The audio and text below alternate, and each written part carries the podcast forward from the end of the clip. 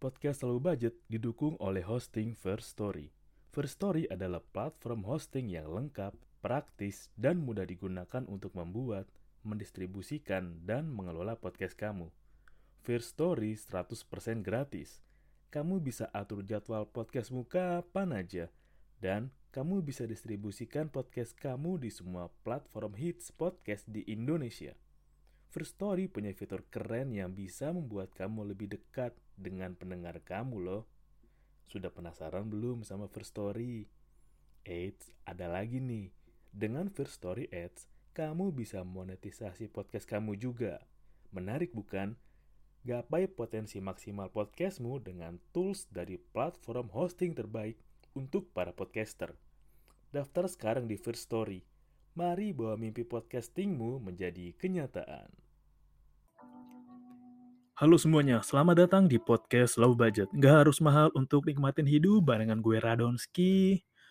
Sebelumnya gue mau mengucapkan terima kasih untuk para petugas garda terdepan yang masih berjuang untuk mengakhiri pandemi COVID-19 ini, untuk para tenaga kesehatan, tenaga medis, untuk para orang-orang yang masih bekerja keluar untuk mencari rezeki, untuk tim gugus dan tim penanganan pandemi.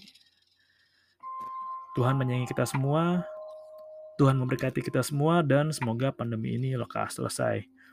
Oke, dalam dua hari terakhir, di lini masa Twitter gue, ya Twitter lah, ada video yang menurut gue banyak banget di-share, dan temen gue pun juga beberapa ada yang nge-share ke gue, minta ya tanggapannya lah soal ini ya soal Zara. Kalau nggak salah, itu Zara berarti udah dua kali ya. Sebelumnya juga pernah kan yang dia sama siapa tuh yang Insta story-nya itu gue juga nggak tahu sama siapa dan gue juga baru tahu kalau Zara tuh JKT48 terus pernah main film yang dua garis biru itu ya. Ya itu nggak apa-apa sih. Gue juga nggak tahu dia tapi di yang kedua ini menarik sih. Menarik banget. Karena kan uh, video dia yang yang sama siapa namanya itu Okin itu yang video dia sama Okin itu ada di second account dia. Dan itu dibagiin hanya untuk close friend atau teman-teman dekatnya aja. Dan ini menurut gue menarik sih menarik banget. Udah dia bikin second account dan bagiin untuk close friend tapi bisa nyebar. Ini aneh tapi menarik. Karena apa? Karena kalau menurut gua ya, yang namanya kebahagiaan itu sebenarnya hak pribadi sih. Emang medsos buat ajang lu pamer dan lu nggak bisa samain standar bahagia lu dengan bahagia orang lain. Ya mungkin, mungkin ya mungkin secara norma katanya Zara salah lah atau apalah. Tapi kan ya udah lu nggak perlu bagiin itu orang ke media sosial ini bukan soal dia sebagai public figure atau dia sebagai orang yang influencer lah. Tapi ini yang mesti lo tahu, ketika lo dipilih menjadi close friend bagi beberapa orang, itu artinya adalah lo benar-benar dianggap teman, apalagi itu berasal dari akun keduanya.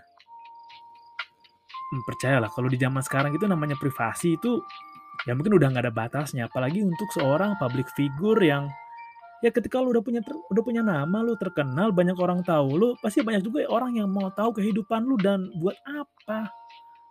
Apa gitu kan orang orang-orang berusaha cari tahu kehidupan lu lu sama siapa lu sama siapa ya? Ya bagusnya emang lu bener hidup lu dulu deh bener hidup lu dulu dan gak usah cari tahu kehidupan orang. Kalau emang lu gak ada materi buat obrolan gak ada bahasan bertongkrongan ya lu perbanyak baca informasi, cari informasi gitu bukan mulai kehidupan orang dan sangat disayangkan videonya ini nyebar dari close friend-nya dia yang dari second account ini. Soal bener atau enggaknya tindakannya ya itu terserah sih itu itu ranah pribadinya gitu. Ranah pribadinya yang ya mungkin emang cara dia menikmatin bahagianya kayak gitu. Namanya juga dia masih peralihan kan dari remaja ke dewasa awal atau masih dewasa awal ya fasenya gitu. Fase namanya orang belajar dan tumbuh dewasa. Dan seperti biasa lah yang namanya media sosial pasti udah banyak juga yang ngejudge, udah banyak yang ngehakimi, yang ya merasa menjadi orang suci lah. Ya mungkin saat ini dia dalam keadaan yang kata orang salah. Tapi belum, tapi bisa jadi atau ke depannya lu, gue atau kita lah yang ada di posisi itu yang posisi orang salah juga. Bukan berarti kita benar, kita bisa ngejudge ya atau nge istilahnya apa ya kayak ya mengeluarkan kata-kata yang apaan sih?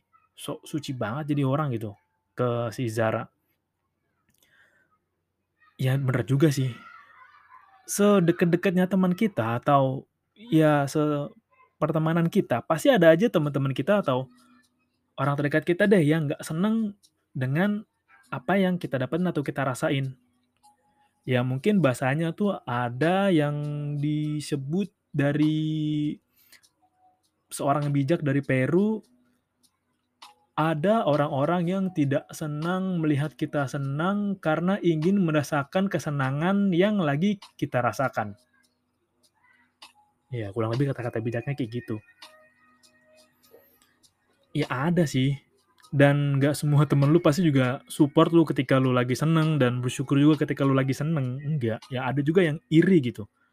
Atau yang mempertanyakan soal keetisan. Kayak, oh lu bahagianya kayak gini, oh lu bahagianya kayak gini. Apalagi itu close friend ya.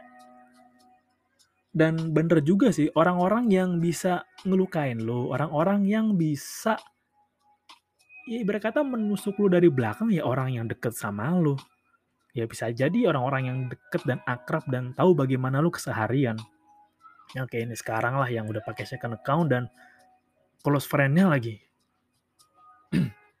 ya ketika seorang seleb punya second account ya menurut gue mereka juga butuh privasi kok sama kayak gue sama kayak lu aja pasti lu juga ada kan punya second account ya akun-akun buat sekedar duniawi lah yang gak usah munafik pasti ada dan tujuannya ya bisa jadi kayak alter ego atau bisa jadi kayak ya menjadi diri lu versi yang nggak bisa lu tampilin di dunia nyata tapi lu bawa ke dunia maya ya terserah lu lah. Yang penting lu nggak ngerugin orang dan nggak membuat orang itu tersakiti atau ya nggak enak lah dengan apa yang lu lakuin di sosial media.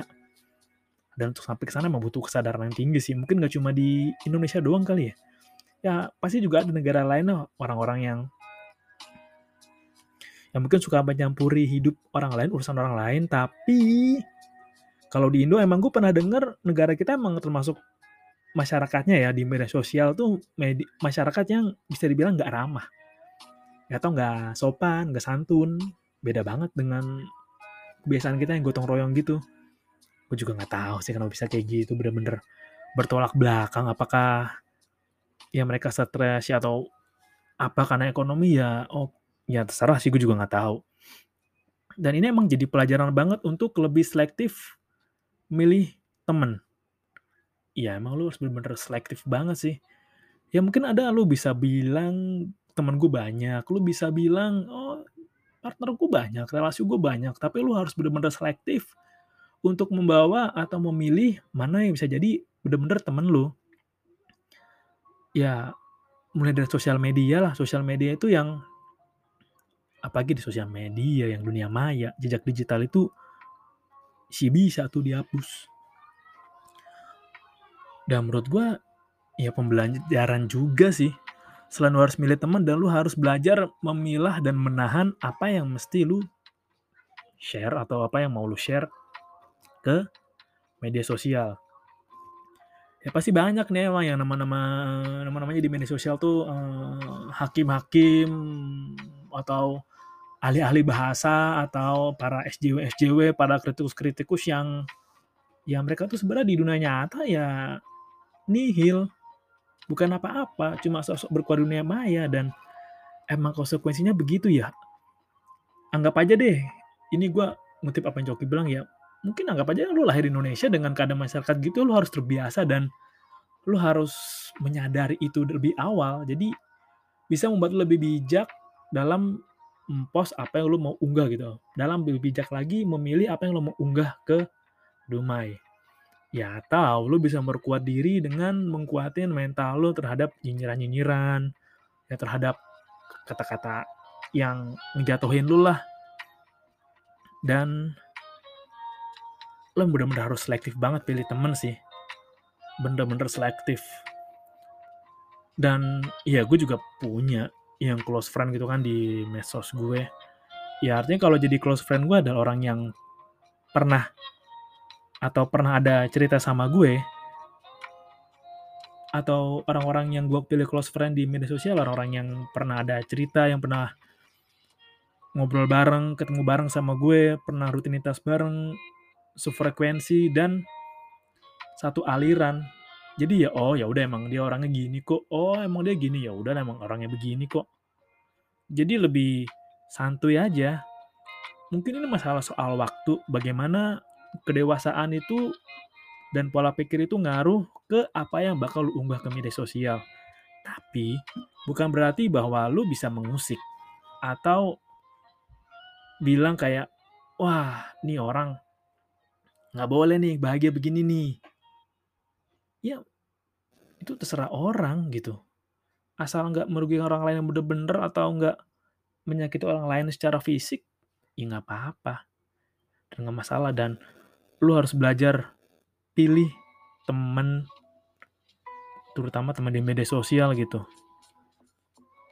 Dan belajar dari soal Zara dari dua kasus terakhir anggap aja dua lah ya karena kan sebelum juga ada lu harus belajar belajar filter lagi apa yang lu mau unggah.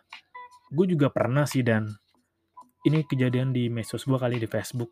Setelah gue lihat unggahan gue 2010, 2011, 2009 bahkan kayak anjing gue alay banget dulu ya.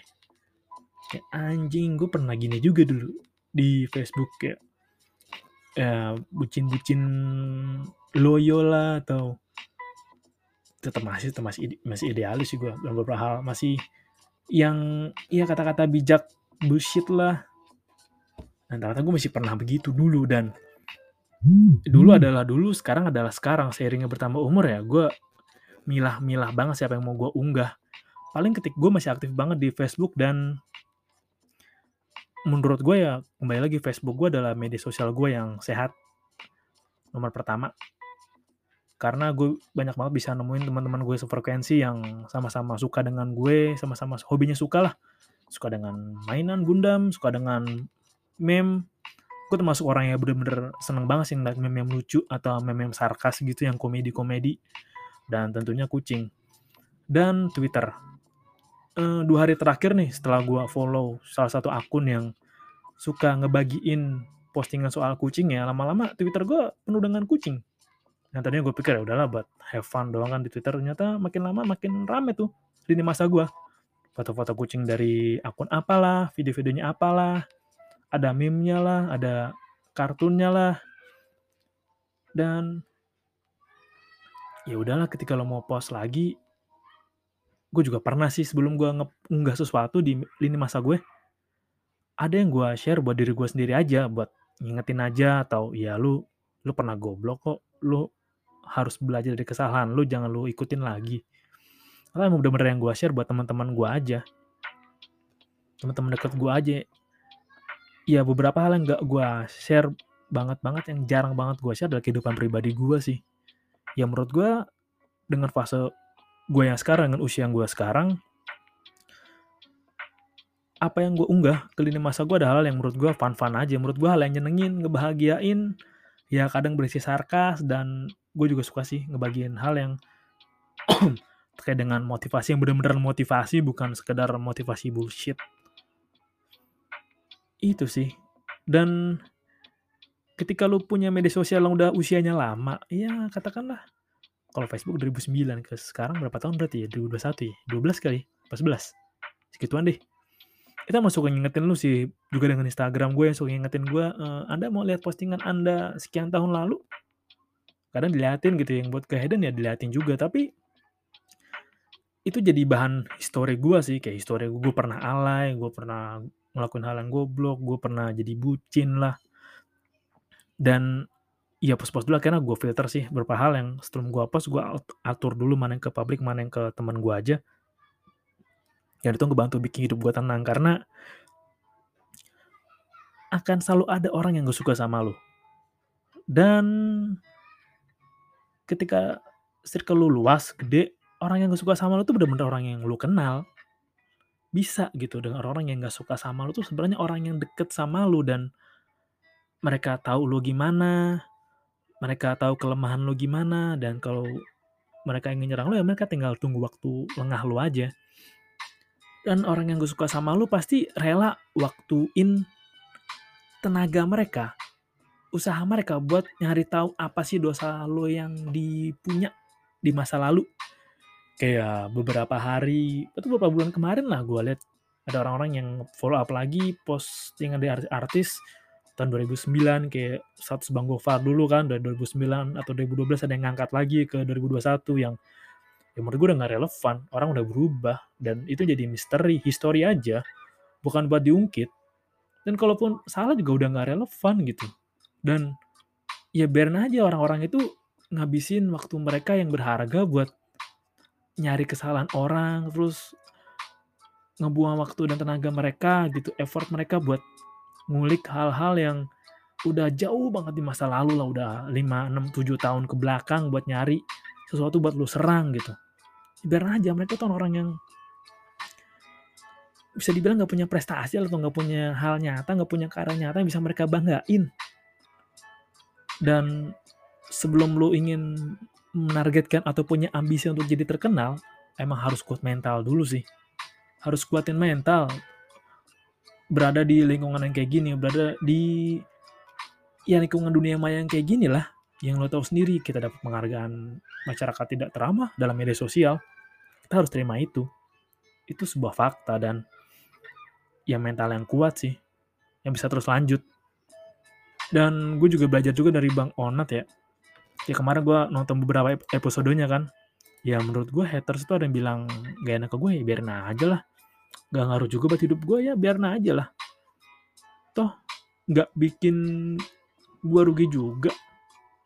Paling kalau misalkan ada orang-orang gitu yang gue urus ya orang-orang yang bikin gue misalkan bisa terluka atau secara fisik ya atau misalkan ngerugiin gue secara finansial baru sih bisa gue turun tangan langsung gitu sih katanya. Dan iya juga ya.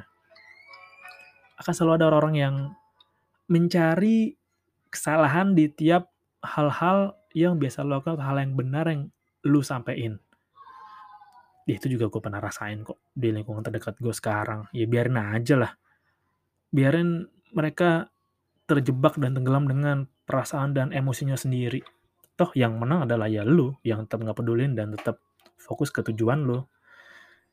Itu aja sih yang mau gue share di episode ini. Sekali lagi lebih selektif memilih teman terutama yang mau lu masukin di lingkungan lini masa lu di Instagram lu di Twitter di Facebook di mana lah dan lebih bijak juga dalam memilih apa yang lo mau unggah karena sekali lagi yang apa yang ada di dunia maya itu bisa jadi ada selamanya Oke, itu aja. Terima kasih udah dengerin. Tetap jaga kesehatan dan salam low budget. Nggak harus mahal untuk nikmatin hidup. Sampai jumpa. Thank you udah dengerin.